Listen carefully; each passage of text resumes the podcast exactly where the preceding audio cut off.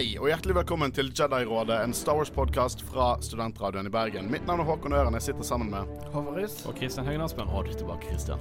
Endelig. Endelig. Og du er klar til å snakke mer Clone Wars. Jeg er ekstremt klar til å snakke Clone Wars, for dette her er storyen mellom episode to og episode tre.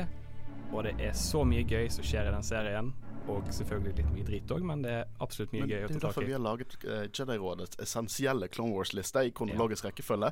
Sånn at vi bare vi kutter av drittet. Men jeg må Liksom, bare spørre- All First Price-kjøttet, det kaster vi vekk. First Price. Vi opprettholder bare gildekvalitet her. Dere skjønner det? First Price-kjøttet for et metafor. Men det må jeg bare spørre om i løpet av denne podkasten her, eller denne um, Clone Wars-tingen. Skal vi kalle det for Clone Wars, eller skal vi kalle det for Klonekrigen? Clone Wars ja, Clone Wars er liksom Det er så ikonisk. Vi kaller ikke det Stjernekrigen, liksom. Nei, men vi kalte det for Jedi-ridderen vender vi, tilbake. vi kalte det for Keiserriket. Jeg vet det, vi fikk, du, vi fikk, Vi fikk jo kritikk for det. Ja, men ja, jeg har aldri tenkt over det. Jeg, nå har jeg begynt å tenke over det. Om jeg skal si imperiet eller keiserriket. Jeg hadde liksom en dyp diskusjon eh, med kjæresten min om de ulike definisjonene der. Og hun går jo master i nordisk, og hun var ikke helt enig med min tankegang, da. Uh, men vet du hva, jeg skal prøve å si The Empire, og jeg tror vi skal si The Clone Wars. Jeg kommer i hvert fall til å kalle det The Clone Wars. Jeg kommer ikke til å kjefte på dere om dere har lyst til å si Klonekrigen eller Coruscant. Kristian. We're back on that. Men denne Vi skal dekke resten av sesong én. Eh, denne episoden. Vi skal snakke om Jeg er så glad for at det er bare fra sesong én. Jeg slipper å sånn hoppe forskjell- eh, gjennom forskjellige sesonger. For vi skal snakke om alle fra sesong én. Episode fem Rookies. Episode ti Lair of Grievous. Episode 19 Storm over Ryloth. Episode 20 Innocence of Ryloth. Og episode 21 Liberty on Ryloth. Munnfull her. Det er munnfull. Det er en munnfull. Uh, men hva syns vi? Bare toppen av isberget. Jeg skal ikke si spøken fra forrige gang. Jeg uh, likte disse episodene ganske godt, egentlig. Det var um, Jeg likte, må jo innrømme at jeg likte ganske godt episodene fra forrige uke òg. det var ikke så mye dårlig der, uh, men jeg føler at her er det mer jevnt, og det er mye kult som skjer. Jeg liker den tredelte historien om Rylot og Jeg synes det er en veldig flott organisert ark, egentlig. Ja. Det begynner liksom med ok, blokade, invasjon, krig. Veldig Det er en, det er en veldig kul ark, egentlig. Jeg synes også at uh, vi, vi får jo en oppfølger fra forrige, den episoden som var uh, Clone Cadets i form av rookies, der vi møter den uh, gjengen der igjen. Det er også en episode som er ganske elsket, egentlig. Det er en liten sånn kultklassiker innenfor Clone Wars. Det er, ikke, det er ikke veldig mye å si om den episoden, men det gir oss mer innblikk om klonene. Og det er den og denne her Innocence of Ryloth som jeg virkelig hang meg fast i. Jeg har minst å si om Innocent of Ryloth, men det er min favorittepisode fra sesong én, tror jeg. Jeg tror det er min favorittepisode i sesong én. Det, det, det på en måte Den går gjennom det potensialet som Clone Wars kan være, da. å få litt mer inntrykk av klonene. Um, Eh, jeg vil også snakke om eh, Vi har jo nevnt den essensielle listen vår. Eh, og den finner dere eh, rundt omkring på vår Instagram og Facebook. Vi lurer dere til å følge oss og følge med der. For der legger, har vi en link til en Google Docs-dokument der vi har den listen i kronologisk rekkefølge, og eh, hvilke av Jedi-rådets episoder som kommer til å gå gjennom. De episodene vi dekker nå, er det som regel eh, fem til syv, en gang åtte episoder per Jedi-rådet Clone Wars-dekning. Eh, så hvis dere på en måte har lyst til å researche eller se de episodene før vi begynner å spoile alt, så det er verdt å følge med der. Uh, vi kan ikke stoppe dere hvis dere ikke har lyst til å se Clone Wars. Hvis dette er deres på en måte gateway into Clone Wars, så er det bare å følge med der òg. Men vi kommer til å spoile the shit out of disse episodene. Det, det er masse spoiling. Vi, vi, vi holder det ikke tilbake. Men jeg antar at de fleste som hører denne episoden fra Jedi-rådet, har hørt alle de andre Jedi-rådet, eller mange av de andre Jedi-rådet-episodene, så du vet at det, liksom Vårt etternavn er spoilers. Men nok om det. Vi skal snakke om episode 5, 10, 19, 20 og 21 av Clone Wars sesong 1 etter denne lille pausen.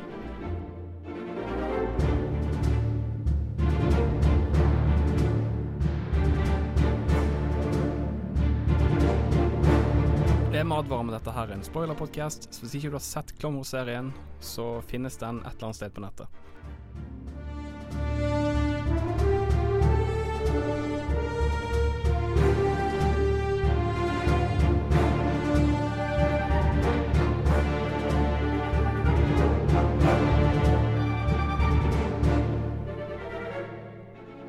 Clone Wars sesong 1 episode 5 Rookies.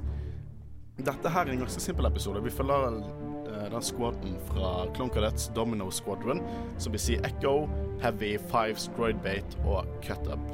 Eh, og jeg uh, liker den episoden. Mm. Simpel, men effektiv. Jeg lurer på hvem som fikk æren av å na innavne alle disse klonene. Det har vært en heavy jobb. Som i Heavy, med en E. Aha. Bare med en E. Dere jeg antar at de det, det virker sånn i, i Clone Cadets-episoden så var det litt sånn der eh, de, de, de var sånn tilfeldigheter, og så på en måte blir det nicknames som andre gir de. Så sa Echo fordi at han gjentar ordrene sine hele tiden. Og Fives bare fordi at han heter CT55555555, og det er ikke så mange femmere, men det er bare veldig mange femmere, så derfor heter han Fives. Men jeg liker i grunnen disse episodene veldig godt der de går litt i dybden på klonene. For der viser de at de er mer menneskelige. Enn at, Mm. For de blir satt pris på spesielt av jediene. Ja, absolutt av Jediene. det- Det er jo de som på en måte inspirerer litt kreativ tenkning hos de. Eh, og jeg liker spesielt det når vi ser denne episoden, og de kjeder seg, og det er håndbak, og så hører de på eh, Grand Army of the Republic Broadcast. eh, og eh, det, der, der sier jo eh, den droiden som på en måte er hosten der, han, hun snakker til det 224th som slåss på Mimban. Og hvor har vi Mimban fra? Jo, Solo av Star Wars Story. Eh, så de snakker jo også om da at eh, å, hold hodet lavt, og så your seals tight, fordi at det er en gjørmeplanet. Så det er et ganske tidlig sted vi, i Cannon der vi hører om Mimban. Mm. Og som sagt, den kommer jo fra denne boken som ikke engang er Legends, det var, kom ut på 80-tallet. Eh, jeg husker ikke helt hva den boken het, i hvert fall før episode 5 kom ut. Eh, vi snakket om den i Solo A Sour Story-episoden vår. Så jeg, jeg husker fortsatt uh, fun factene mine. Jeg husker bare ikke navnet på akkurat den boken. Men jeg kan det. Hører du? Uh, vi får kloner som bare chiller, og uh, de kjeder seg her. Jeg merker veldig godt, men snakket jo litt om det i forrige episode, om at etter hvert så blir klonene mer på en måte egne karakterer. At du ser forskjell på dem sånn. Du merker allerede med en gang det, ja. at, det var at noen hadde tatoveringer, skjegg og litt forskjellig hår og alt mulig sånt. Dette er jo ganske tidlig i klones på en måte militærkarriere, da. Eh, så det er kult at du merker det allerede nå.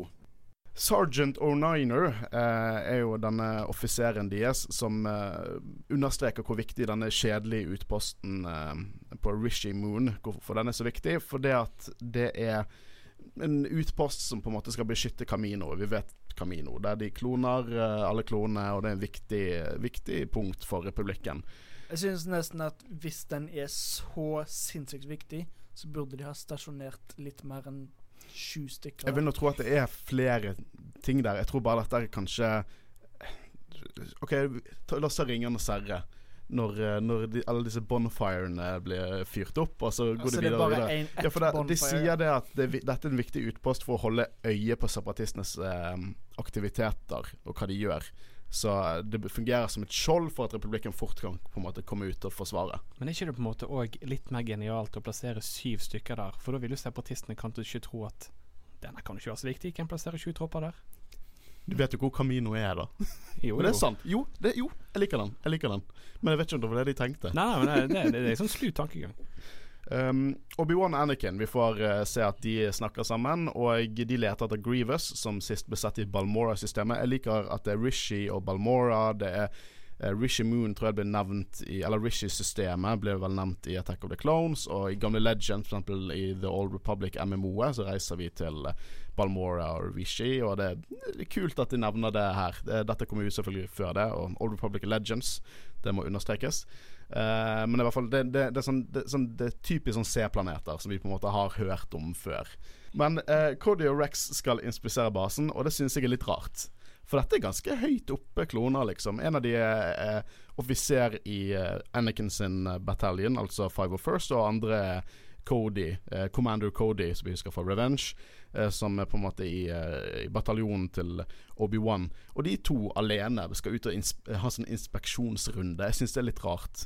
Det er litt sånn som at general Patten i andre, andre verdenskrig bare skal besøke sånn en liten squad som sitter og kjeder seg og på en utpost som på en måte tilsynelatende ikke er så viktig. Det er Kjenner jeg general Patten rett, så tror jeg han fort kan gjort det. Så det kan godt hende at det er bare for å på en måte vise at de er der, de òg. At de, de ikke bare er på store skip og er kommando og alt mulig sånt, men de er faktisk down in the dirt. de skal gi inspirasjon til de som er under dem. Jeg bare tenker når du først blir kommandør eller kaptein, at du slipper disse kjedelige jobbene. Det virker som de to er i en, fighter, nei, i en, i en shuttle alene og bare skal på en måte undersøke de, og det får inntrykk av at de er på mange inspeksjonsrunder. Men jeg synes at Anakin og Obi-Wan er De er litt sånn Og disse kloneoffiserene er mitt kjæledyr. Og så bare sånn oh, Good man, that Cody. Og så bare oh, det ser ut som de kjeder seg. Ja, kanskje Cody kjeder Rex med all der informasjonen. Bla, banter. Min klone er bedre enn din klone. Eh, og det, jeg vet ikke, det, det er litt teit. Og du kan, du kan på en måte sette ordet inn der og begynne å sånn kritisere Jedien for hvordan de ser på kloner. For de respekterer klonene, men jeg føler litt de respekterer klonene som de er hunder. Det er fint, litt kjæledyr, liksom. Litt sånn som du respekterer din hund. Du kan ikke ha en dyp samtale med din hund, men du- fy søren, du Jeg har hatt ganske mange dype samtaler med den. Med den hunden eller til den hunden. Uh, til, men uh, det virker som om hun følger med, i hvert fall. Ja, for alle. Fått ikke hund? Sorry for skiftet, jeg er fra Star Wars-armen. Det er jo så å si de, det som definerer Håvard, er den hunden. Det er familiehund. Å ja, den hunden Jeg tror du har fått deg hund i Bergen, jeg nå. Sorry. Det, du kan, kan ikke kjøpe en ny hund som avbryter, Vi avbryter vår daglige Star Wars-podkast med å snakke litt om hunder. Vi snakker ikke om hunder, vi snakker om vi Håvard-hund. Ja, du, du, du savner hunden. Skal jeg gå videre, eller? Det. Denne episoden får vi også se Commando Droids. Å, de er kule. De det er kule. faktisk kanskje de kuleste droidene i klonekrigen. De er klonekrigen definitivt, syns jeg. Eh, de er effektive, de er skumle. Det er ikke sånn teit eh, slapstick-humor på dem. Og da kommer jo det et spørsmål. Hvorfor ikke bare ha her med de?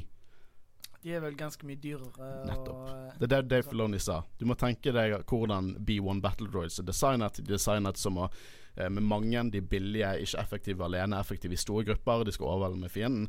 Kommandodroidene er elitesoldater. Det er litt sånn Hvorfor var ikke Death Troopers på Endor? Nei, at Death Troopers er ikke en hær. Det er ikke en fotsoldat. Det er Spec Ops, og dette er Spec Ops-droider på samme mm, måte. Og det ligger jo litt i navnet òg. De er commando droids. Det er Absolutt. Liksom De er sikkert kjempemye dyrere, mye smartere og sånne ting. Jeg Eh, bare skulle ønske de ikke snakka. Fordi da får jeg bare uh, De har teite stemmer, men de Ja. sier ingenting sånn go apparently goofy. det er litt goofy det er senere, men Litt sånn goofy senere i episoden. ja. For jeg syns ikke droidehumoren er så gale fra kommandodroidene. For de ler at de skyter sentry, og så kommer de inn der og tar på, en, en tar på seg en klonedrakt, og så det litt sånn Roger, Roger, bare med klonestemme. Og der er også en, en feil, for disse kommandodroidene har tre fingre. Men når han tar på seg klonedrakten, så har han full femfingret uh, hansker. De snakker ikke teitere enn de der uh, B1-droidsene. Ja, ja. Oh man, Roger, Roger. Og så det Håvard, eh, du sa en gang at eh, når de kopierer eh, sitater fra filmene, f.eks. Ja. I have a bad feeling about this. Ja. Men jo, men den, den funker, syns jeg. For den sier de i alle filmene. Men når de bare på en måte sier sånne der, eh, ting som bare en annen karakter sa i originaltrilogien, så bare trekker det meg så sykt ut av det. Det eneste jeg bare virkelig liker, er når de sier I have a bad feeling about this. For det er på en måte en litt sånn Star Wars-tradisjon. Men ikke noe sånn De plutselig en eller annen I i en senere episode tar han der eh, Jedi Knight, Akbar, Alien, eh, Mon Calamarien og bare sånn siterer Vader. Det, det, det, Jeg liker ikke de callbacksene. Eh, Det er min pet peeve med de tidligere sesongene av Clone Wars. Eh, men uansett, eh, kommandodroidene de later som de faller et meteorregn, og så tar de over basen. Og jeg eh, man begynner å lure litt på hvor mye vet Palpatine om denne planen om utposten. Liksom Kommer Palpatine til å la separatistene knuse Camino? For da knuser de krigen ganske fort. Det er alltid det Det, det, som, det snakket vi litt om forrige episode. Hvor mye av det The Bad Guys gjør i Clone Wars, er på en måte direkte planer eller oversett av Palpatine?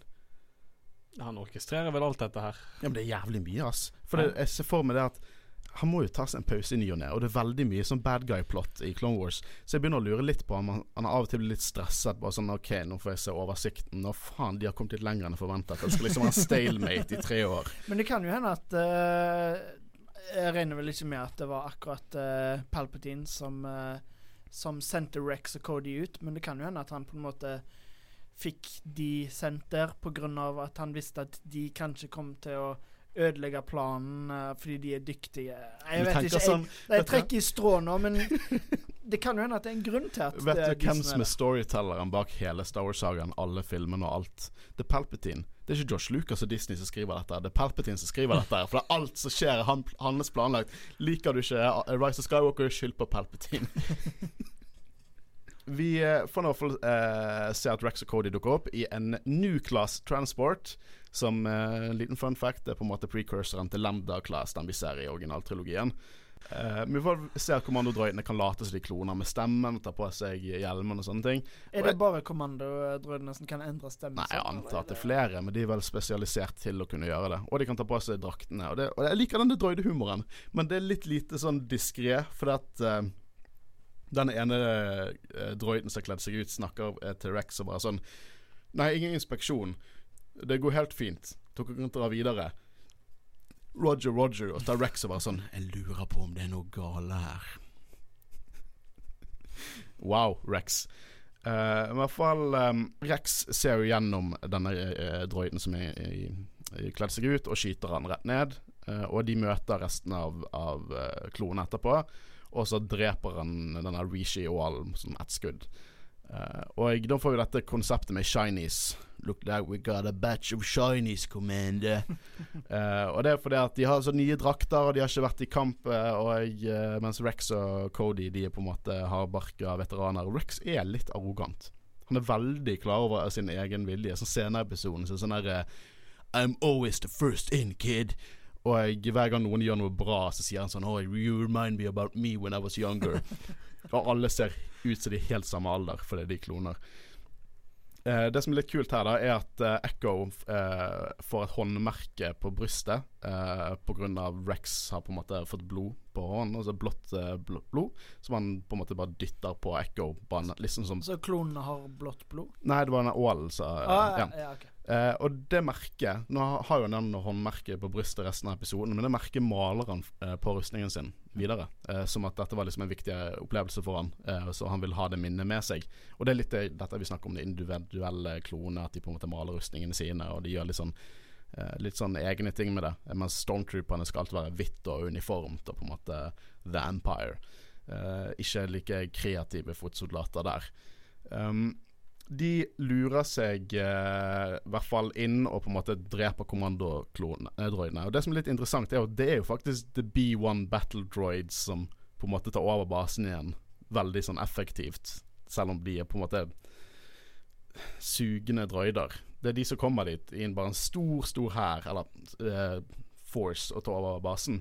Og de er sendt der av Grievous. Og mye om og men, mye dramatikk. Det er ikke så mye å si om det, men Heavy, eh, som er på en måte en av de tre som var eh, gjenlevende etter han Ål drepte Cudup, han sprenger basen ved å bruke flytende Taibana-gass, Og Taibana-gass er jo det som Lando sin mine på eh, Club Og- City En annen fun fact det er det så Luke tar ut med den slangen og skyter rett Ja. i ansiktet på Vader. For det er det de, eh, artig. det er det de bruker carbonite til. Mm. Der er jo på en måte flyt Få fryse ned gasser for det videre. Og her på en måte er det vel noe de har i Jeg vet ikke hva de blir brukt til nødvendigvis, men det er noe de har her, som de bruker til å sprenge opp hele basen. Heavy ofrer seg. Ganske, ganske dramatisk øyeblikk, egentlig. Jeg hadde ikke forventa det, spesielt uh, siden vi snakka jo om uh, Clone Cadets i forrige episode, og vi ble på en måte ikke veldig godt kjent med dem, men vi ble litt kjent med dem, og eh, jeg ble rett og slett litt overraska over at han døde med en gang.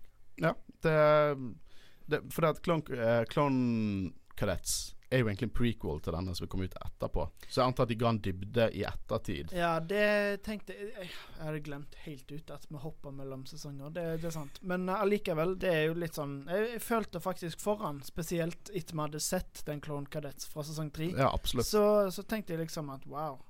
Det blir derfor å se den kronologisk en helt annen opplevelse enn å på en måte se det med masse prequels der inne. Du får, når du ser denne serien, du får sympati med eh, klonene. Ja, det er det jeg digger. Det- Det, er det jeg virkelig digger.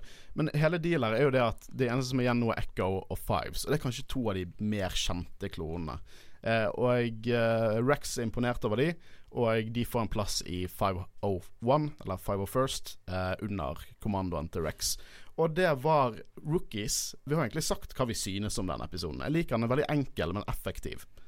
Eh, det, er mye, det, er ikke, det er ikke så mye toneproblemer i denne episoden, syns jeg. Det er veldig uh, Egentlig en ganske simpel episode, men, uh, og det er jo ikke så veldig mye law og alt mulig sånn som skjer, men jeg liker den veldig godt. Det det jeg merket er et nytt problem med å dekke Clone Wars. For ofte det er så mye law i Clone Wars.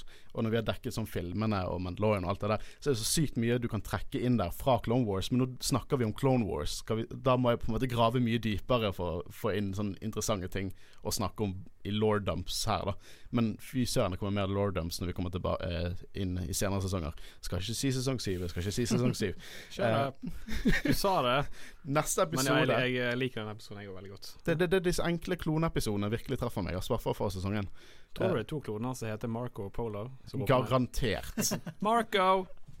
Polo! Det er liksom en klone som heter Appo fra liksom Avatar, fordi at der er det en sånn dyr som heter Appo, og så har han pilen ned på hjelmen sin. Sånn at helt klart eh, Dave Filoni bare Å, jeg vil ha en Appo. Uh, neste episode, eneste episoden i min mening der Grievous faktisk er litt skummel og uh, litt kul. Det er episode ti fra sesongen, Lair of Grievous. Uh, det er en litt annen type episode enn det vi nettopp har sett. Eh, jeg liker faktisk denne episoden. Jeg synes den er kul. Eh, den, den er litt mer Den er litt spooky, faktisk. Jeg Vet ikke hva dere synes om den. Ja, jeg er helt enig. Det var, jeg liker episoden veldig godt. Og uh, som du sa, det er faktisk en av de få gangene Grievous faktisk er litt sånn skummel og ekkel. eh, Men uh, det var veldig kult å se hvor han på en måte kommer fra. Og uh, ja, jeg likte Fordi vi får skikkelig backstory til Grievous i denne episoden. Var ikke dere litt creepet ut av han i episode tre, da? Nei. Nei, jeg var ikke det. Jeg husker når jeg så det på kino for første gang, så tenkte jeg hva faen er dette? det ble litt, altså når jeg så den på kino, så ble jeg litt creepet ut av han, men uh, greit. Jeg syns han var eh, kul. Jeg synes han var skikkelig Ja, kul, og likte han, designet er virkelig kult på Grievous, men god damn it! Han er så Ah! Men hele denne episoden er i hvert fall det at uh, Colgate Smil, aka Kit Fisto, uh, og hans tidligere apprentice som har blitt uh, en Jedi Knight, Nadar, de leter etter Newt Gunray, som har sluppet unna. Newt Gunray var jo skurken i episode én, og på en måte dreper Amidala i episode to. sagaen, altså.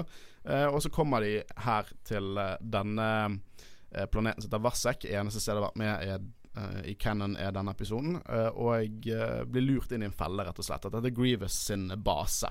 Og Grievous blir testet av Count Dooku. Uh, fordi at han er misfornøyd over at han feiler med alt han gjør. Men jeg har en liten teori. Jeg tror at Count Dooku er jævlig grinete fordi at Grievous la på telefonsamtalen hans. fordi at Ja, men virkelig dere nevnte det i forrige Vi gjorde det. det. Det var noe av det beste med de Det det beste, men han legger på tre ganger denne episoden. Tre ja. ganger. Én i mid-sentence. Så, eh, så Kanduku er sikkert sånn der Å, han respekterer ikke autoriteten min, nå skal jeg teste han. uh, så det er kan av den episoden. Så, det er Kit Fisto. Uh, jeg har aldri tatt han seriøst etter episode to. For den der battle-scenen, battle arena-scenen, når han bare, bare pusher droidene vekk med force, og så bare gliser han Ja, Colgate-smiler. Han, han er en glad Jedi. Han virkelig koser seg med det. Jeg, jeg tok han aldri som seriøs Jedi. Han er litt, han er litt sånn tunnelsyn i denne episoden, men jeg liker han veldig godt. Jeg syns han er underholdende. Og det, jeg syns det er veldig kult. Uh, akkurat som uh, i forrige mm, De forrige episodene vi snakket om, så, så ser vi jo Plo Koon blir litt bedre kjent med han, og nå Kit Fisto. Det er sånne karakterer du har sett i filmene, men de gjør veldig lite. Og de er veldig, veldig ikoniske i filmene, men Ja, de, så de, det er veldig kult å på en måte bli litt mer kjent med de, og, og hvem de er, på en måte. Er han, er, er en av de som dør Ja. i, uh, av uh, Palpatine? Ja. Faen, det svarer jo på sitt. For, uh, hvordan ble han Jedi Master? Ja, han gjør det ganske bra i denne episoden. Da. Altså, Ja, OK, jeg- jeg- heder og ære for dette, men i filmene er han fucking useless. ja, men han har et fint smil, da. Det må det være. Det må bety noe. Så Colgate har betalt for smilet. Fall, vi får møte Nadar Webb, og det er første gang Jeg tror første gang vi ser en Mon Calamari Jedi. Eh, og det er hans tidligere eh, Padawan som har blitt Jedi Knight nå. Eh, og de skal gå sammen med noen kloner for å på en måte Egentlig de tror at de skal mm, eller arrestere Newt Gunray, men så er det basen til Grievous. Eh, og det, denne episoden handler veldig mye om sånn Litt det som vi kommer til å gå litt dypere inn på. Det er veldig lite diskré her, men det handler litt om den overmotet og arrogansen til Jediene. Eh, For det at han apprenticen, eller tidligere apprenticen, er veldig sånn Han prøver å showe off hele tiden, og litt sinne viser ting som egentlig ikke Jediene skal ha, sant. Um, men Skit Fisto er veldig tålmodig, eh, og jeg, det, syns det er litt rart at hans tidligere Padawan er liksom så ekstremt forskjellig fra han. Skal ikke vi skylde litt på læremesteren hvis liksom denne fuck-upen av en Jedi Knight som er, som er Nadar, bare virkelig ikke klarer noe som helst? It's easy to blame the eh, teacher. Det virker som ganske lang tid hadde passert, da, så det kan hende at han har opplevd ting og Men De sier jo at, at Kid Fisto ikke kunne være der under hans trial pga. krigen, og krigen har ikke vart så lenge nå. Ja, nei, jeg vet ikke. Kanskje han bare Kanskje han ikke var klar til å bli ferdig. Eller kanskje han bare bailet for bare sånn uh, han er ikke klar. Jeg har ikke lyst til å se dette her. Uh, men vi kommer inn i basen til Grievous, og det er litt sånn creepy tunnel. Uh, litt sånn Minds of Moria-feels her. Uh, jeg får noen Balrog-vibes senere i episoden. Jeg liker veldig looket på denne episoden. Det er liksom fortsatt sesong én, så animasjonen er ikke sånn on point, men jeg merker veldig forskjell fra episodene. Jeg syns ikke den Rookies var veldig fin å se på, men denne her syns jeg er fin å se på, med på en måte fargene og all tåken og sånne ting. Så jeg, lurer på, Er det forskjellig budsjett som har gått inn, eller er det rett og slett bare designet på hver av stedene som yter bedre? Jeg vet ikke. Det er vanskelig å si. Jeg regner med de har relativt likt budsjett gjennom hele sesongen, i hvert fall. Ja, Men det kan godt hende at de bare har brukt lengre tid på noen episoder. Ja, det kan godt hende. Um, vi får i hvert fall et sånn hologram, for at Newt Gunray er et hologram, og så tror de at han sitter i en stol, eh, men det gjør han ikke, og det er og så droider som er der, og så eh, begynner Newt Gun- Gunray bare 'Å, dette var en felle, og jeg er ikke her', og eh, droidene angriper, vanlige B1 Battle Droids, og de blir knust, og så skjønner jeg ikke helt hva som skjer. For det er Nadar eh, dreper, eller slår ned droidene, så bruker han The Force på de. Litt sånn som i Attack of the Clones, som læ- eh, hans læremester gjør. Eh, og så bare sånn 'Å, nå må ikke du være så sinna'. Hæ? Hva var det som skjedde der, egentlig? Han drepte jo bare droider. Jeg, jeg skjønte ikke helt det sjøl. Jeg, jeg, jeg har Jeg liker egentlig ikke Kit Fisto. Jeg må innrømme. Liker ikke Kit Fister, men det smilet Det smilet Jeg liker, jeg liker han skikkelig godt, jeg. uh, men Count Dooku dukker opp i hologram. Han er litt sånn båndskurk til tider. Skal forklare planen sin og hva han nettopp har gjort.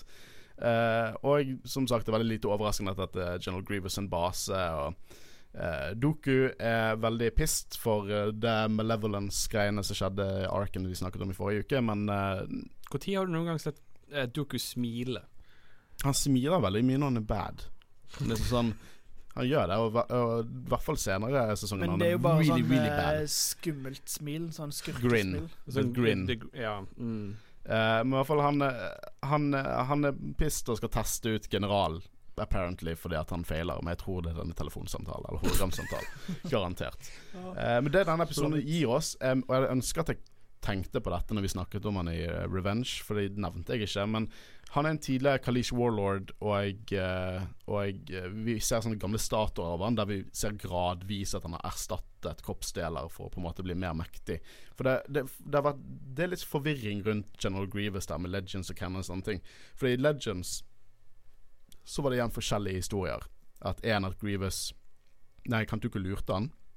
til å krasje i skipet sitt, og så bygger han opp for å bli bedre, eller at han frivillig tok disse delene. Det som er canon, er at han frivillig bygde seg opp til å bli en cyborg fordi at han potensielt skulle eh, kunne stå imot Jediene. Han har jo ikke The Force, så på en måte for å bekjempe de, så erstatter han seg med kunstige kroppsdeler. Og det er en kul backstory. Jeg liker, disse, jeg liker på en måte tonen når du ser disse statuene, og, eh, og jeg eh, veldig kult. Jeg ønsker jeg fikk vite mer om den krigerrasen som er Kalish eh, Warlords.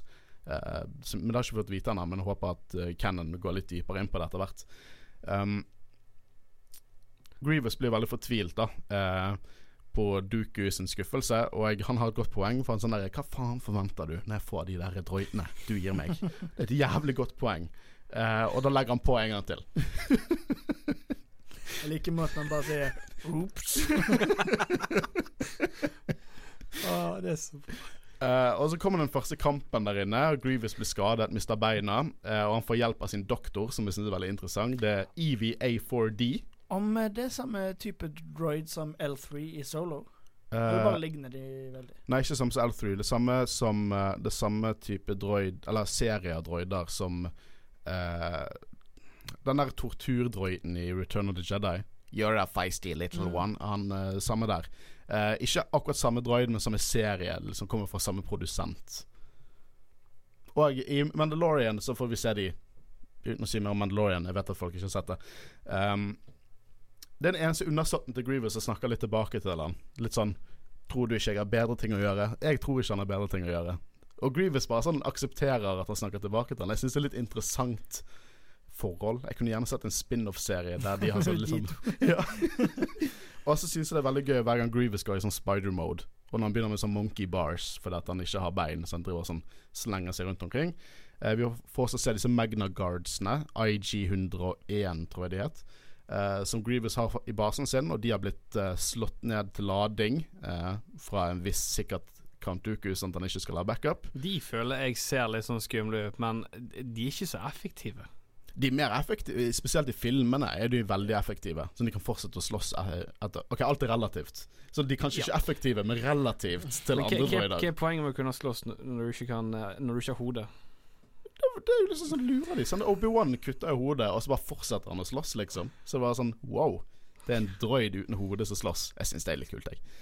Um, I hvert fall, nå, basen blir låst ned. Eh, nå skal Grievous på en måte slå tilbake igjen. R6, som er droiden til Kit Fisto, flyr vekk. Eh, og eh, nå skal Grievous bruke sin, eh, sin ballrog, som heter Gore. Og tidligere i episoden så kommer Grievous hjem og roper sånn Gore? Som det er hønen hans. Men Eh, han sier jo at det Eller jeg vet ikke om han sier det, men det føles i hvert fall ut som han ser på det som kjæledyret sitt. ja, han er glad i Gore. For Gore dør jo selvfølgelig senere. Og han er sånn der Gore? Gore? På. Og Gore er en rogwart fra planeten Mustafar. Uh, og beina til dette monsteret ble brukt i Var med i Force Awakens, faktisk. Uh, og det var på riflen til Crookind Shand fra Kanja Club. Var det beina fra akkurat det monsteret? Nei, fra en, Gore, eller? fra en Rotwat. Oh, fra en Rotwat. Uh, nei, Rogwart. Rogwart. Jeg skal ærlig innrømme at jeg ikke Hvor jeg fant du den informasjonen, egentlig? Uh, jo, mitt, mitt min, uh, mind fungerer eh, ganske utrolig. Eh, Wikipedia. Ja, jeg har vært der sjøl, men jeg Du må kunne bare ikke gå inn på se, Ok, Hvis du går inn på Rock, eh, Rogwart, så kan du gå ned og se hvor den var med. Og så til det Force Awakens, så søkte jeg det opp Force Awakens, så fant jeg ut at det var på Kanja Club eh, sin rifle. God research. Jo, jo, takk, takk, takk. Um, og nå får jeg litt den der eh, For det er basen er skrudd ned, er låst ned. Det er bare eh, kommandøren til, uh, til disse Jediene igjen, og så er det de to Jediene, og så er det veldig den derre There are older and fouler things than droids in the dark places of the galaxy. Veldig ballrog uh, i mørket her. Uh, og så gjerne blir jeg lei meg når han dør. De, de, de dreper klonen, den dreper klonen, og så er det bare Jedien igjen. Og så blir Grievous veldig lei seg fordi at nå har Gore dødd. Og nå, nå på en måte går de inn på dette med at, eh, med at de skal fikse opp i Grievous, og, eh, og de liker når de fjern- eh, den scenen når de fjerner masken. At det er smertefullt for han. Det er litt grotesk scene, ass. Men Vi får ikke se fjeset hans, da, men det virker Får vi noen gang se hele fjeset hans? Eller bare det på de statuene. bare på statuene. Eh, mulig det var en maske han hadde på der. For de, de maskene er veldig sånn typisk Kalish Warlords. For eksempel eh, han er ene piraten som er i Force Awakens, han med en sånn rød maske, er jo en Kalish Warlord. Han dukker opp i Russ Skywalker også, som Finn skal på en måte dra med når de er på basen til eh, Til uh, Takodana, basen der. Maskanata. Maskanata! Sitt slott. Jeg er litt sliten, OK? Give me a break. Jeg kan ikke være, jeg kan ikke være Star Wars-leksikon hele tiden. Uh, jeg er ikke det. Da var jeg veldig arrogant. Jeg skal bare gå videre. Han er sin egen Wikipedia. Og nå er det bare Fist og Nadar igjen. Eh, og eh, Nadar kommer med en interessant innsikt. Men, eh, nå er jo sånn Kit Fisto litt sånn bekymret for han fordi at han virker hevnlysten og aggressiv og sånne ting.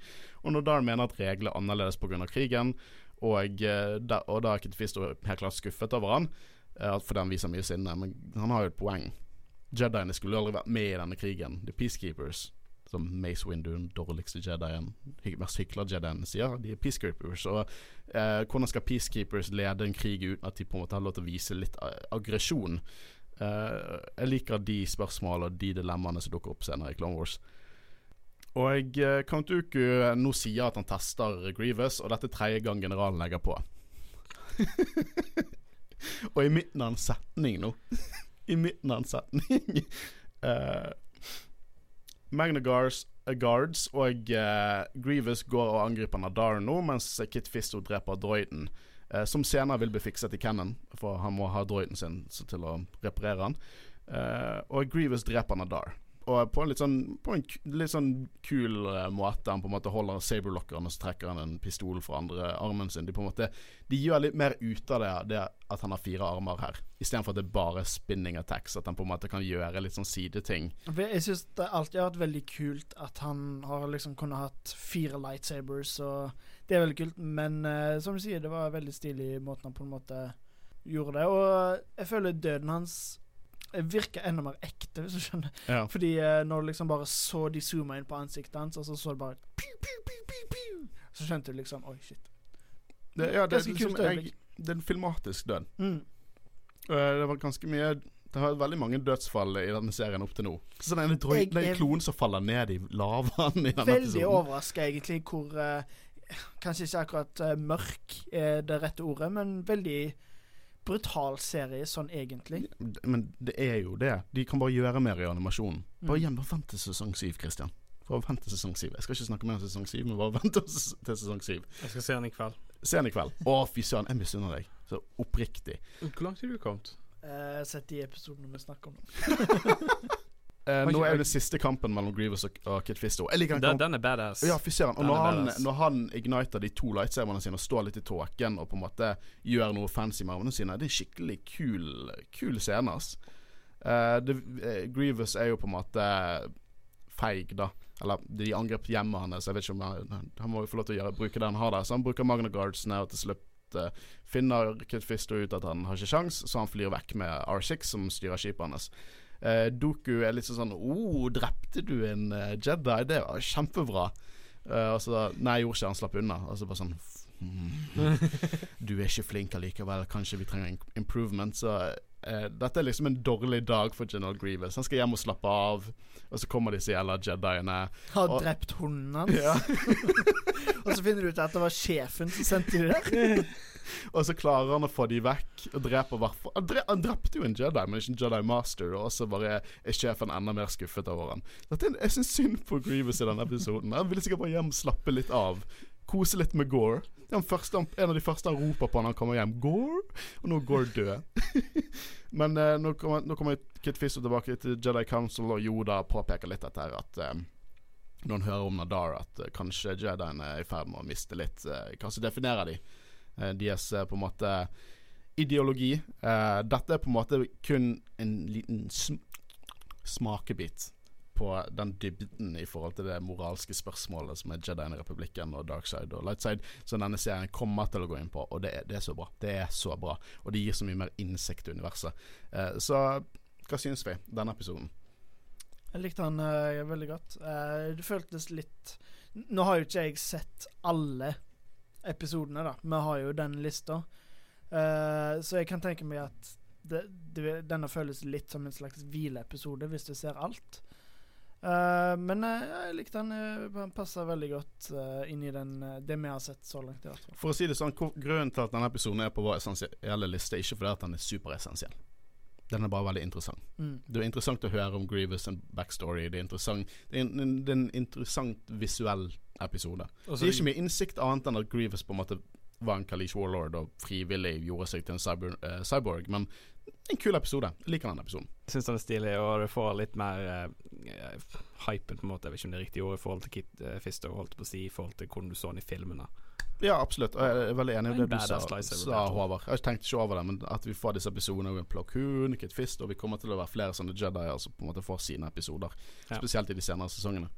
Um, nå kommer vi til en ark, da. Det er Ryloth-arken. Tre veldig forskjellige episoder. Vi så jo Malevolence-arken forrige uke. Eh, og der var det litt sånn jeg følte mm, Kanskje de kunne klart seg på to episoder. En av de episodene var, kunne på en måte bli gått inn i de to andre. Det var litt repeterende. Men dette er en veldig, eh, veldig fin ark, egentlig. Tre veldig forskjellige episoder som helt klart bygger til hverandre. Tre ulike sider av konflikten, kan du si.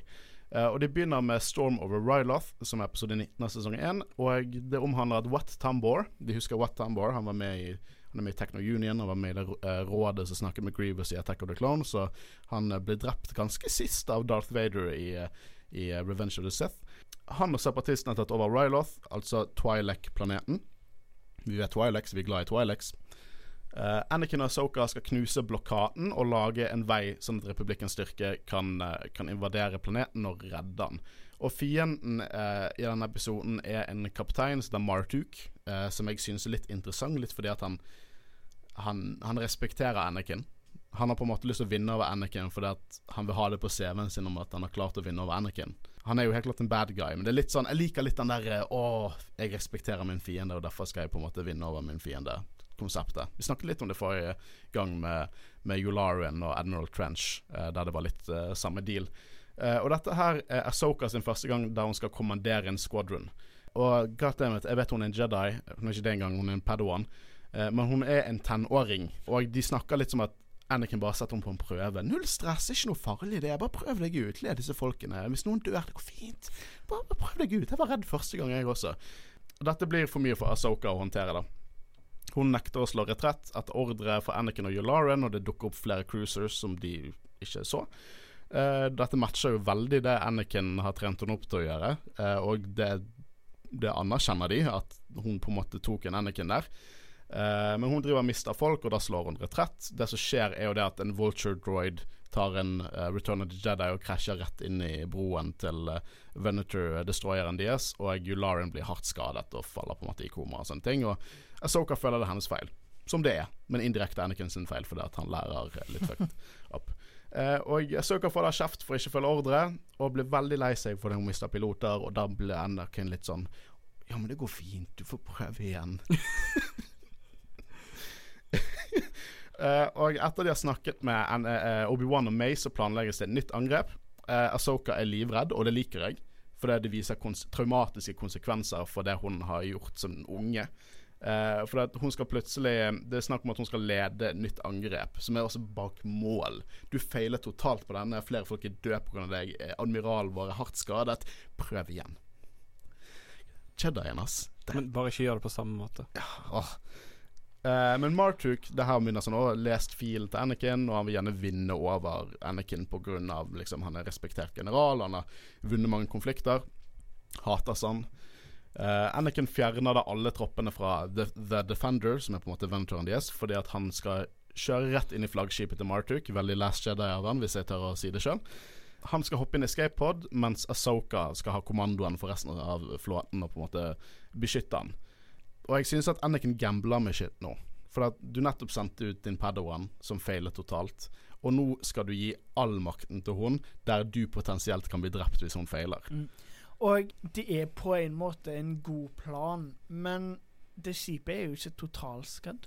Koster ikke det ganske mange millioner uh, credits? Det, den, er, det er en Star Destroyer, liksom. Det er ikke økonomisk ansvarlig å bare ødelegge det på den måten. Det funker, men Kanskje derfor det ikke var en taktikk før The Last Jedi. For at det var bare økonomisk uansvarlig. Så da tok Holdo og bare sånn De gjorde det i Clone Wars, kanskje vi skal gjøre det igjen? så regninga kommer til Palpatine, han bare What the fuck?! Å, jeg må ta kontroll over de bankene ASAP. uh, men dealet her er jo at eh, Anakin uh, flytter alle troppene ut av Defenderen, og så sender han uh, Asoka eh, videre, og hun skal ha kommandoen. Og klonen er veldig grinete, eh, fordi de stoler ikke på denne planen som egentlig Anakin har vært med å produsere. Og de er sånn Å, han ønsker Anakin må her. Du ønsker han hadde sagt dette til oss istedenfor den lille drittungen der, fordi at uh, Oh, no offense, commander. Uh, men uh, ja, de er veldig grinete. Men planen til Asoka er ganske kul, og det er ikke første gang vi har sett den planen i det som er Legends nå. For det at Venator Destroyeren skal fly sidelengs, altså Asoka sin, mens fighter og bomber skal fly ut av eh, skipet, og så bruke skipet som cover. Det ser veldig kult ut. Det er skipet som flyr sidelengs, og de kommer ut fra taket og på en måte flyr. Det er en taktikk som Grand Admiral Thrawn brukte i eh, Legends, en av Thrawn-bøkene. Eh, og Filoni han alltid har ønsket Dave Filoni har alltid ønsket å se dette her på skjermen. da Denne kule skipstaktikken. Så han tenkte hm, hvorfor ikke bare gi det til en 14 år gammel unge? Ikke, det var bare kødd. Det, det, var sant, men det er ikke disrespect. Det er en veldig kul kamp.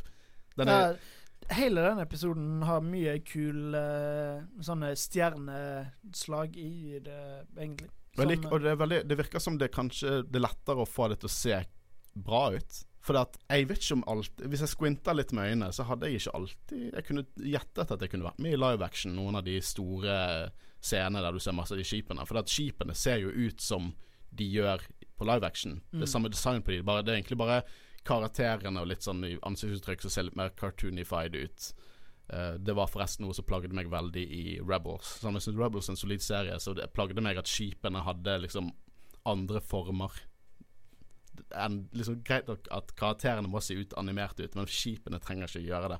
Og det gjør Rebels litt mye som irriterer meg litt. Men mer om det når vi dekker Rebels, for nå snakker vi om Clone Wars. Ikke sant, Christian? Good man. Uh, Yulara dukker opp nå. Eh, og han støtter planen til Osoka. Sier at den er reckless, men vi må gjøre det. Og da er alle på en måte om bord. Og eh, planen ble satt i gang. Martuk stikker. Uh, det var egentlig planen at han skulle stikke. Han ville, ikke- de ville ikke drepe ham fordi de likte karakteren, men han dukker ikke opp i noe annet.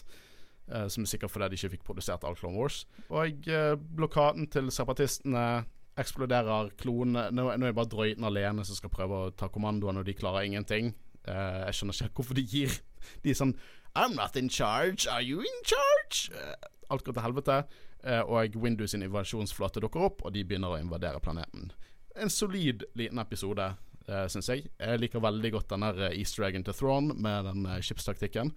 Uh, og ja, skipskampene er bare veldig kule. Jeg liker den der ubåtopplegget med to kommandører som prøver å måte outsmarte hverandre i space. Det, jeg synes det er veldig kult. Veldig Star Wars, syns jeg. Neste episode, episode 20 sesong 1, 'Innocence of Ryloth'. Jeg har ekstremt lite å si om denne episoden, men jeg elsker denne episoden. Han har veldig mye dybde i seg. Og den, den starter en sånn liten side-historie som går inn til senere i Clone Wars, går inn i bøkene, går inn til Rebels, som er helt fantastisk.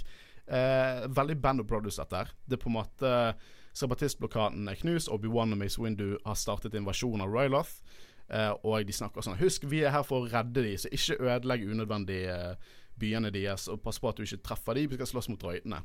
Og så på en måte er klone litt sånn Faen, hvordan skal vi klare å være effektive hvis ikke vi får lov til å gjøre dette her? Jeg tror en av de sier også sånn bare at de der eh, tailheadsene holder seg vekke fra meg, så skal jeg få lov til å gjøre jobben. Så litt rasistisk, syns jeg.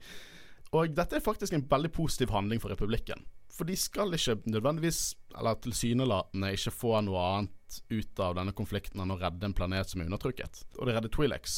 Uh, og hele dealen her er jo det at Mace Windu ikke kan lande en av de store, eller alle de store transportene fordi det er kanoner på bakken. Han ber Obi-Wan, Cody og deler av to- 212. til å gå ned på bakken og nøytralisere kanonene. Og uh, hovedpersonene her er to kloner, Waxer og Boyle. Og eh, de er på en måte noen av de beste to soldatene i 212., så Cody på en måte sender de ut på et eget oppdrag. De kommer vekk fra resten av bataljonen og møter en liten Twi'lek-jente som heter Numa. Eh, Så det handler veldig om det forholdet, for Numa er jo på en måte en eh, Hun har ikke foreldrene sine i nærheten, og hun er redd droider, og disse to begynner på en måte å få en litt sånn foreldrerolle til henne under den konflikten, da, som jeg syns er veldig eh, det veld, Jeg føler det er veldig Band of Brothers, Mm. dette her. Og det viser òg på en måte menneskeligheten til kloner. Da, at de, de har omtanke. Det er ikke bare maskiner på en måte som, som gjør det de Og så er ikke det bare direkte omtanke. For jeg, eh, en av de er litt sånn Han bare Nei, forlater henne, og så på en måte blir det blir, blir han glad i henne etter hvert. Mm. Så det er litt konflikt der også. Jeg syns det er en veldig moden episode. Ja. Uvant å se noe sånt i det som er tilsynelatende eh, barneshow. Eh, vi, første gang vi får se en tactical droid også. En, eh, denne her heter TX20, eh, og jeg leste på Wikipedia at når den ler, så ler han i uh, main-themet til Terminator. Og jeg, en annen kul scene her, eller kul og kul, det er at Cody gir lightsaberen til Obi-Wan på samme måte som han gjør i Revenge. Det, tydeligvis mister Obi-Wan den lightsaberen flere ganger, og Cody plukker han opp hver gang. Jeg vet ikke helt om jeg liker sånne referanser. Så når uh, Obi-Wan eh, klager over at Anakin hele tida mister lightsaberne, så han er ikke Ja, så mye bedre sjøl. Ja, Jedier er jo hyklere. Det er hele dealen med Jedi. Det er en, organisasjon med hyklere. Elsker det. Elsker det. Det er helt fantastisk. De eh, droidene bruker også noe som heter guttkur. To r-er, hvis dere lurte. For å jakte på organics, altså republikken. Som jeg, jeg syns er veldig kult. Sånn, ok, Hvordan finner vi disse folkene? Hvordan dreper de? Vi bruker noe som på en måte er sultne vil ha noe organics og sende ut det. Det er en av på en måte det positive med å være en droide her. da At det er ikke sånn som å bekymre deg. Um, hele dealen, de tar ut kanonene, redder dagen. Jeg liker når uh, denne droiden er sånn der uh, Å, jeg tar aldri feil, jeg er en droid. uh, og does not compute når Twi'lexene begynner å drepe han.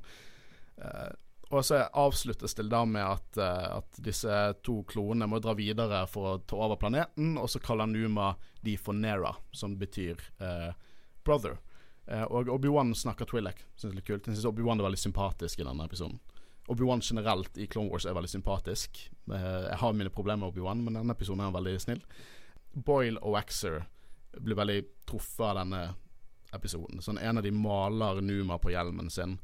Eh, Numa dukker opp i Rebels, der hun har på seg noen klonerustning som hun har malt til å hedre de. Og jeg, eh, det, det er en liten sånn sidehistorie som du på en måte må se litt ekstra nøye på i videre episoder der 212 dukker opp, der du på en måte ser eh, små hint av Numa og sånne ting. Og jeg, jeg synes det er veldig forfriskende. Det, det, det, det, det, på en måte gjør det, det, gir deg en liten sånn gulrot til å se litt ekstra etter. Og jeg liker hvor mye det på en måte påvirket hverandre, både Numa og disse to klonene. Mm. Eh, jeg liker denne episoden veldig godt. Personlig liten, enkel, effektiv episode. Ja, jeg er helt enig. Det, det er egentlig ikke så mye å si, men uh, det, funker. Og uh, som jeg nevnte, det, det menneskeliggjør klonene på en måte òg. Og så har, denne serien har allerede gitt meg ganske mye, fordi vi har fått mer inntrykk over hvordan jediene og egentlig andre behandler klonene, men òg hvordan klonene behandler andre, på en måte. Så jeg syns det er veldig interessant å se, fordi det er noe vi ikke får med i filmene. når de Filmene varer jo bare i sånn to til to og en halv time, og eh, du kan ikke ha så mange sånne små øyeblikk, så eh, jeg syns det er veldig kult, egentlig. Jeg tror, jeg tror han har forstått det. Han har forstått Clone Wars. Det er jo det som gjør det. Det er det når vi ser Order 66. Hvorfor har jeg ikke sett dette tidligere? nei, så wow. Der, Da kvapp jeg seriøst. Wow. Uh, Men uh, nei, du har jo helt rett i det du sier, for at uh, i filmene så har du begrenset med tid til hva du greier å gjøre. Og jeg tror når George Lucas ville fortelle den historien som var imellom, og han var jo veldig glad i animasjon, så det er en fin måte å gjøre det på, å gå i dybden på ting. Han lagde jo LucasArts Animation kun pga. dette. Mm. Så det er derfor det, vi ser så sykt forskjell på både storytelling og tekniske aspekter med denne serien jo mer det kommer opp. For disse første episodene, eller hele første seks sesongene, var en stor sånn eksperiment. Og på en måte Dave Filoni var veldig Han er sånn prodigy, og på en måte han skulle trene han opp. Og, eh, og eh, Interessant. Og alt er ikke like bra, men fy søren, jeg kan sette pris på det. Men uh, tror dere at prequel-filmene ville blitt sett bedre på om uh, Altså, tenk om det hadde vært i dag, og om det hadde blitt kjøpt opp av Netflix på en måte og blitt lagt om til en serie. Live action-serie. Ja. Liksom. Ja. Tror du det kunne gjort noe for prequelsene? Oh, ja, absolutt. Altså, ja, ja. Come on. Å sette en live action av Clone Wars Kom an, Hvor kult hadde det ikke vært å sett Hvor kult hadde det ikke vært å sett Samuel Jackson som Mace Windu? Fy faen! Ja, det hadde jeg, jeg ville sett det. For det, Clone Wars gjør at jeg setter veldig pris på prequel-eren. Selvfølgelig, jeg ser det positive i prequelsene selv om Phantom Menace suger, og Attack of the Clones er ikke noe litt bedre, min mening. Men uh, altså, på den mer seriøse tonene så hadde det vært ganske kult å sette dette i live action, bare for å se de gamle karakterene. Men bare tenk paralleller her. Til, okay, ja. For det, A New Hope er jo ikke kontroversiell. Den er vel, folk elsker den. Star Wars-fans ja, ja. elsker den. Men hvor mye bedre er ikke A New Hope etter Rogue One? Mm.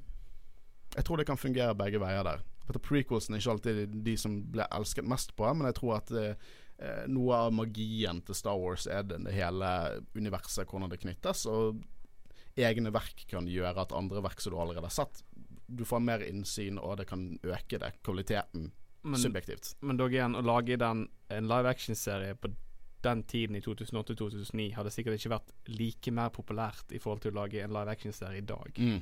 Nei, men jeg men, tenkte egentlig mer på om eh, hvis prequel-filmene aldri hadde kommet, og at det hadde vært en serie istedenfor.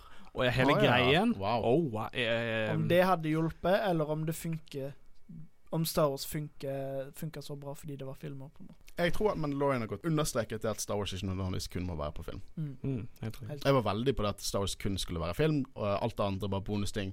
Men nei, Mandalorian har understreket, og Clone Wars sesong 7, jeg skal ikke nevne det mer, eh, har virkelig understreket hvor bra Star Wars fungerer på serie. Og jeg, og jeg gleder meg til Kenobi fordi at Oh, ja. Ja. Jeg tror at det er perfekte. Jeg vil mye mer se en miniserie på åtte episoder med Ewan McGregors Obi-Wan Kenobi enn å se en, en to og en halv time lang film. Og i 2030 så får vi jo mest sannsynlig se episode 10, 11 og 12 òg. Ja, det kan godt hende. Ikke utelukk det. så siste episode vi skal dekke, og det er episode 21 sesong 1, Liberty on Ryloth. Og Invasjonen har begynt med Mace Windu som skal lede angrepet på hovedstaden av Ryloth, eh, som kalles Lessu. Dette her er som sagt en veldig fint balansert uh, ark. Dette er en passende konklusjon på arken, liksom full krig. Og uh, denne episoden er interessant ikke at jeg syns episoden er sånn superbra, men det er mye interessant og mange interessante karakterer som dukker opp. F.eks. Cham Syndulla dukker opp. En ekstremist opprører. Eh, nå eh, slåss han mot eh, separatistene. Om noen år vil han slåss mot eh, keiserriket. Han er med i boken 'Lords of the Sith', der han eh, er i konflikt mot Darth Vader. Han dukker opp i Rebels. Han er faren til Hera Sundulla, som er en hovedperson i Rebels, og jeg som blir name-droppet i Rogue One uh, av Star Wars Story. Uh, så ja, han, han, er en ganske anerkjent New Cannon-karakter. En veldig fanfavoritt. Veldig ekstremist av en opprører, som på en måte går litt inn på dette med at uh, The Empire helt klart er the good guys. Um, og vi er der igjen. og, og, denne episoden handler jo veldig mye om på en måte litt sånn politisk konflikt mellom Cham Syndulla og uh, Orn Freeta. Han blå, feite fyren i bakgrunnen av uh, mange av prequel-filmene. Han er en Twillek, tro det eller ei. Han er en Twillek. Uh, han er bare en veldig feit Twillek. Um, og vi får se uh, sånne ATRT-er i bruk uh, i denne episoden, uh, som er på en måte som precursor til ATST. og Mace Windu har jeg problemer med. Jeg, jeg syns ikke han er en dårlig karakter, men han, en, han, han, er, han suger. In the universe. Han suger. Han har alt som er gale med The Jedi, bare i én konsentrert i én drittsekk av en person. Eh, og det er helt fantastisk at de har en sånn karakter. Eh, men han er en veldig effektiv general. da Eh, Han bryr seg virkelig om troppene sine, viser det seg om. Han er veldig aggressiv, og han får resultater unnagjort. og de har på en måte Det er en stor konflikt på en sånn klippe, og de prøver å bevege seg mot hovedstaten, og vi, der er Wat Tambor selv. Akkurat det du sa der med at en stor konflikt Jeg merka det nå i egentlig alle episodene så føles alt veldig lite ut. Det er alltid bare sånn det ser ut som det er 20-40 soldater. Jeg syns det bare virker så rart. Fordi Anim Spesielt når det er animasjon, så mm. kan de liksom gjøre så mye større. Jeg, jeg, tror det handler også om budsjett, men en annen ting jeg må bare si det. Vet du har lyst til å si noe, Christian? Jeg vil Nei, bare understreke det. For pacingen i actionscenene i Clone Wars er veldig rar i uh, de første sesongene. Akkurat som alt varer litt for lenge. Mm. Og eh, jeg skal ikke snakke mer om sesong syv. men eh, ikke bare sesong syv, men sesong seks og fem og sånn, så begynner de å lære seg litt den 'når er det nok'. For det, det er ofte sånn typisk at kloner som skyter mot droider, og så skyter de masse skudd og sånn, men det, det, er liksom ikke noe Det er ikke noe bak de skuddene. Det er sånn 'Å, du bommer 90 av gangene, og det ser ut som du bommer bare for å gi episoden litt mer tid. Og bare actionscene for actionscenes sake. Så eh, jeg reagerer litt på noen actionscener at de føles litt tomme tidligere i, i Clone Wars, hvis dere skjønner hva jeg mener. Mer merkelig Og det, nå skjønner jeg at Dave Filoni At Han hadde liksom ikke jobbet med Star Wars før, og dette var liksom noe nytt. å være 100% creative director på alt dette her. Så det var mye eksperimentalt der. Og Josh Lucas ga en litt sånn kreativ uh, eh, frihet til å på en måte leke seg litt med det. Altså det blir, Clone Wars eh, generelt av det blir bedre jo mer Dave Filoni og teamet hans lærer, egentlig. Tactical droiden til Wet Tambor Han vil slå retrett, men ikke Tambor. Uh, han har for mye investert i Ryloth. Uh, og uh, Mace Windu finner ut at han har lyst til å få hjelp av frihetskjemperne, som er ledet av Cham Syndola, ettersom at det ikke er flere forsterkninger som republikken kan sende. Og de begynner å lete etter de i sånn et, et, sted der det har vært en tidligere massaker. Eh, og jeg liker tonen. Jeg liker at de kommer til denne gravplassen fylt av kjøretøy, og at ting har skjedd der, og musikken og alt. Eh, mørkt, moden tone i forhold til mer groteske saker. Eh, og her kommer en av mine favorittspøker fra klonene. For vi har snakket om Nei, droidene. Vi har snakket om mye vi hater disse droidene. Men jeg synes dette er oppriktig morsomt. For det er droid, en droidesquad der som leter, og, og Mace Window-klonen må holde seg unna. Og så eh, kommer disse droidene og plukker opp eh, hodet av en gammel modell som visstnok var sånn programmert av en hovedmaskin.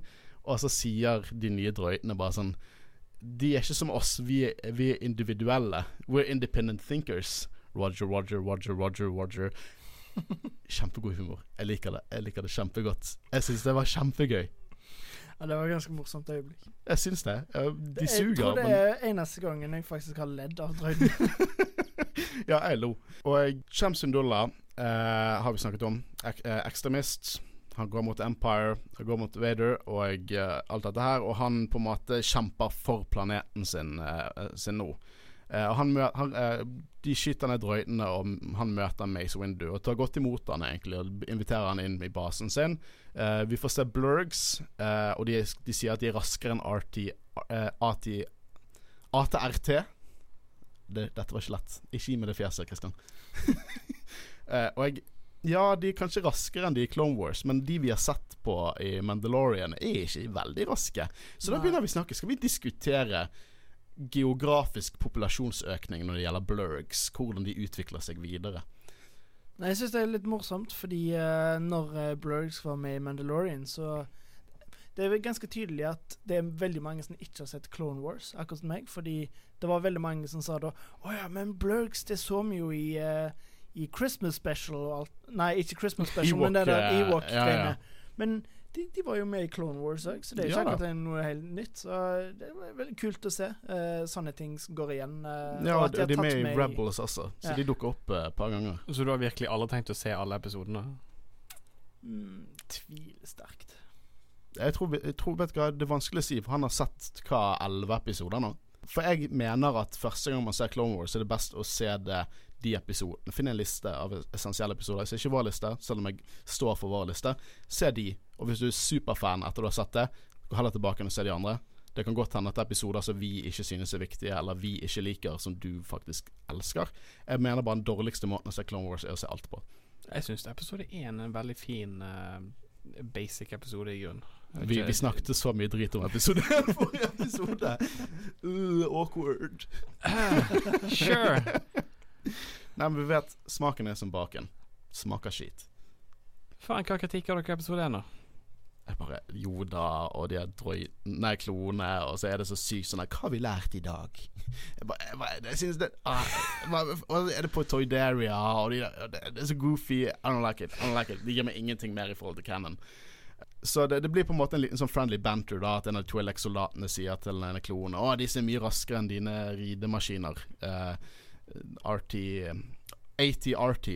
Wow! I hvert fall Wet Hambor begynner jo å nå skal bombe sivile byer. Spesifikt byer som bare sånn kvinner og barn i. Og Det var Wow! De er ganske onde her. Uh, vi snakket jo litt i forrige episode om at uh, separatistene egentlig ikke er onde. De er bare handelsmenn som vil uh, tjene penger og alt mulig sånn. Men her er de skikkelig onde. Ja, de er onde.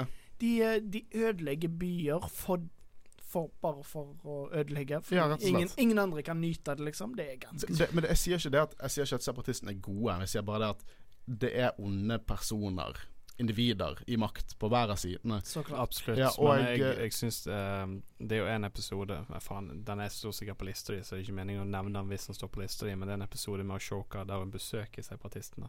Ja, den er på Den listen. er faktisk ganske bra. Jeg tror ikke den var på originallisten jeg fant, men den er veldig bra. Den gir Ja. mye, mye innsikt i forskjell. Veldig. Du ser liksom uh, Jeg må bare si at den har ekstremt lite diskré navn, episoden. 'Heroes on both sides'. Men det er, det er liksom øh, Du får liksom sympati med den siden òg, for Mm. du ser at det er harmløse folk som òg kjemper for friheten sin. Det er sin. bare andre politiske Eh, meninger. meninger egentlig, Rett og slett.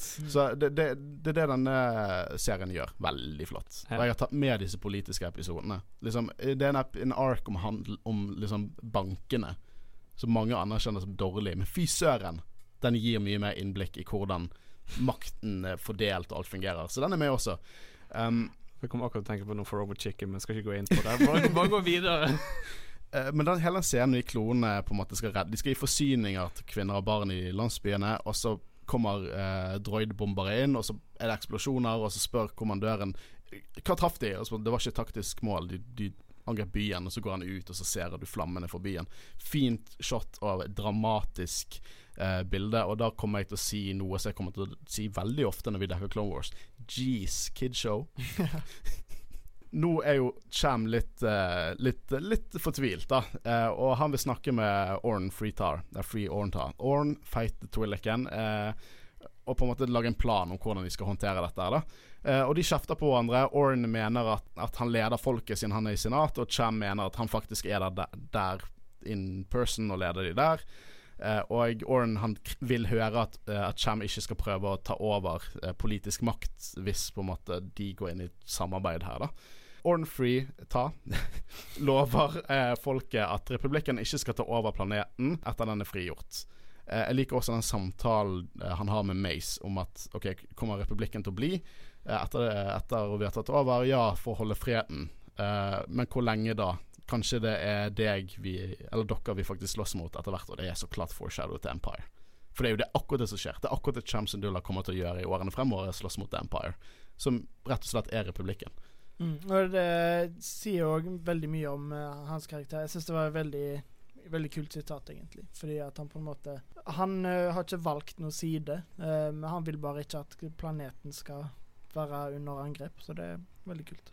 Han, han, han, for å si det sånn, jeg, jeg, jeg har omtalt Shamsundullah som en ekstremist. Dette har hans mer myke år. Mm. Han kommer til å bli mye mer desperat og eh, mer i på en måte ligaen med Saw Gerrera i, under The Empire. Uh, så han er en veldig kompleks og interessant karakter. uh, og veldig mye med i denne boken 'Lords of the Sith', som er en ganske kul bok. Um, Wat Tambor imens fyller opp alle skatter før han reiser for Ryloth. For hele dealet at han, han får beskjed fra Count Duke at du må reise for Ryloth sånn at vi kan bombe eh, byen. Bare fordi at republikken skal ikke få noe vi, vi ikke får. Men han er grådig og og vil heller ha alle eh, skattene på plass. Og i bakgrunnen så laster de opp Ark of the Covenant for Indiana Jones. God damn it, Håkon. Jeg hadde skrevet ned det. Og, unnskyld, beklager. Jeg visste ikke at du drev og så i bakgrunnen når eh, Så du det sjøl, eller leste du det opp? Eh, jeg så det sjøl, men jeg har lest det tidligere. Og sjekker du Men, notatene hennes nå? Kristian?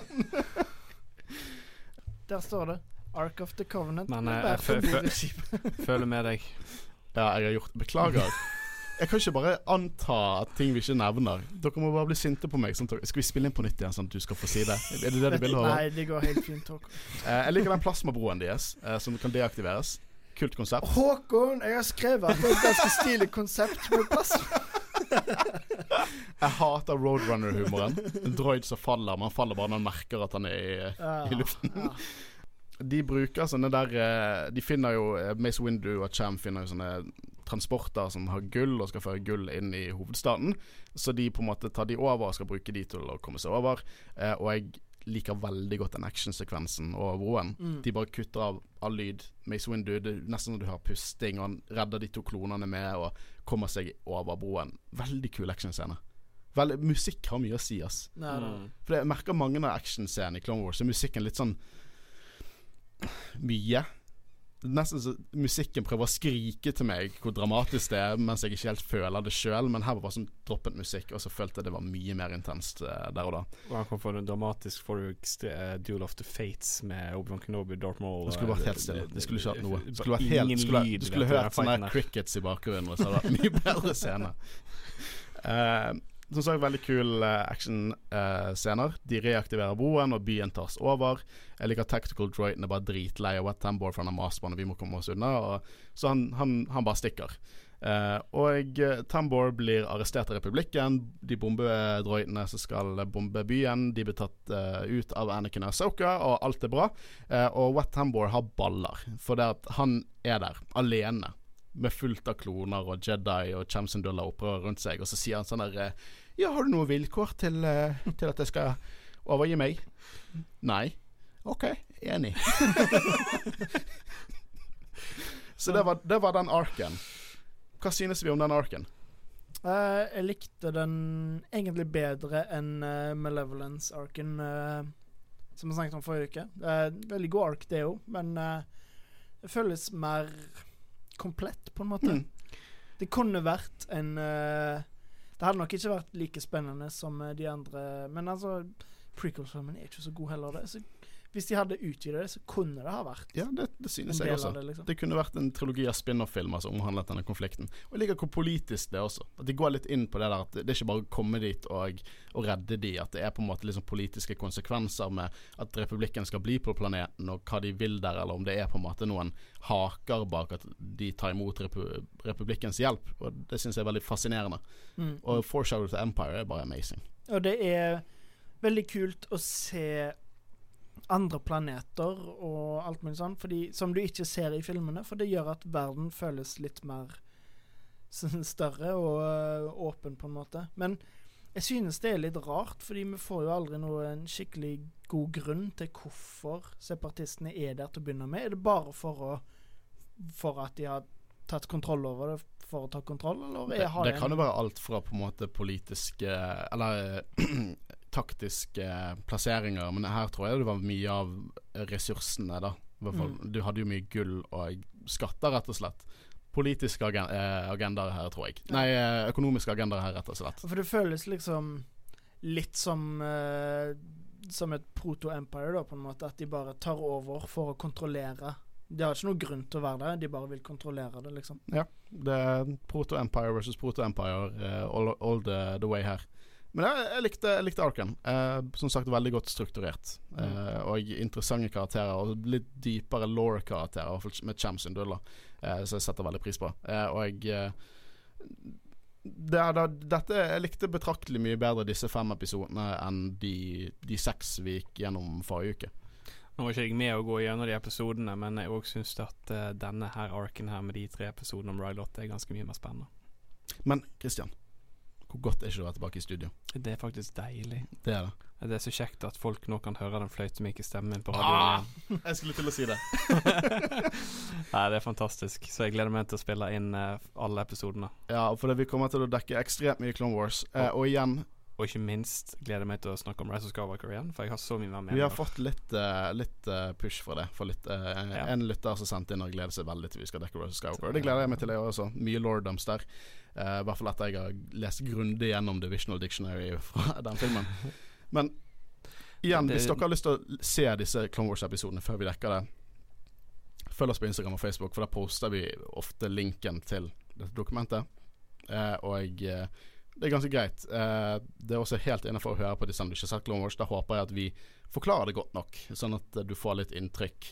Men beste opplevelsen er jeg klart å ha sett de sjøl, og så se det. Uh, Disney Pluss kommer jo til Norge 15.9, uh, så vi kommer nok ikke til å dekke uh, sesong 7 før det har skjedd. Men uh, jeg har sesong én til seks på Blu-ray, er helt innafor å dekke det når jeg har det på Blu-ray. Jeg har det lovlig. Ikke at vi har gjort noe ulovlig før, men eh, jeg har det i, så det er innafor å, å, gjøre det. Men vi har vel ikke så mye mer å si eh, om dette eh, da. Så dere på meg? ja, hva vil du si nå, Christian? May the force be with you. Å, oh, den var god. En klassiker. Vi har vært Jedi-rådet. Mitt navn er Håkon Øren. Jeg har sittet her sammen med Håvaris. Kristian Høgen Aspen. Og vi snakkes. Ha det bra. Ha det bra. Ha det bra.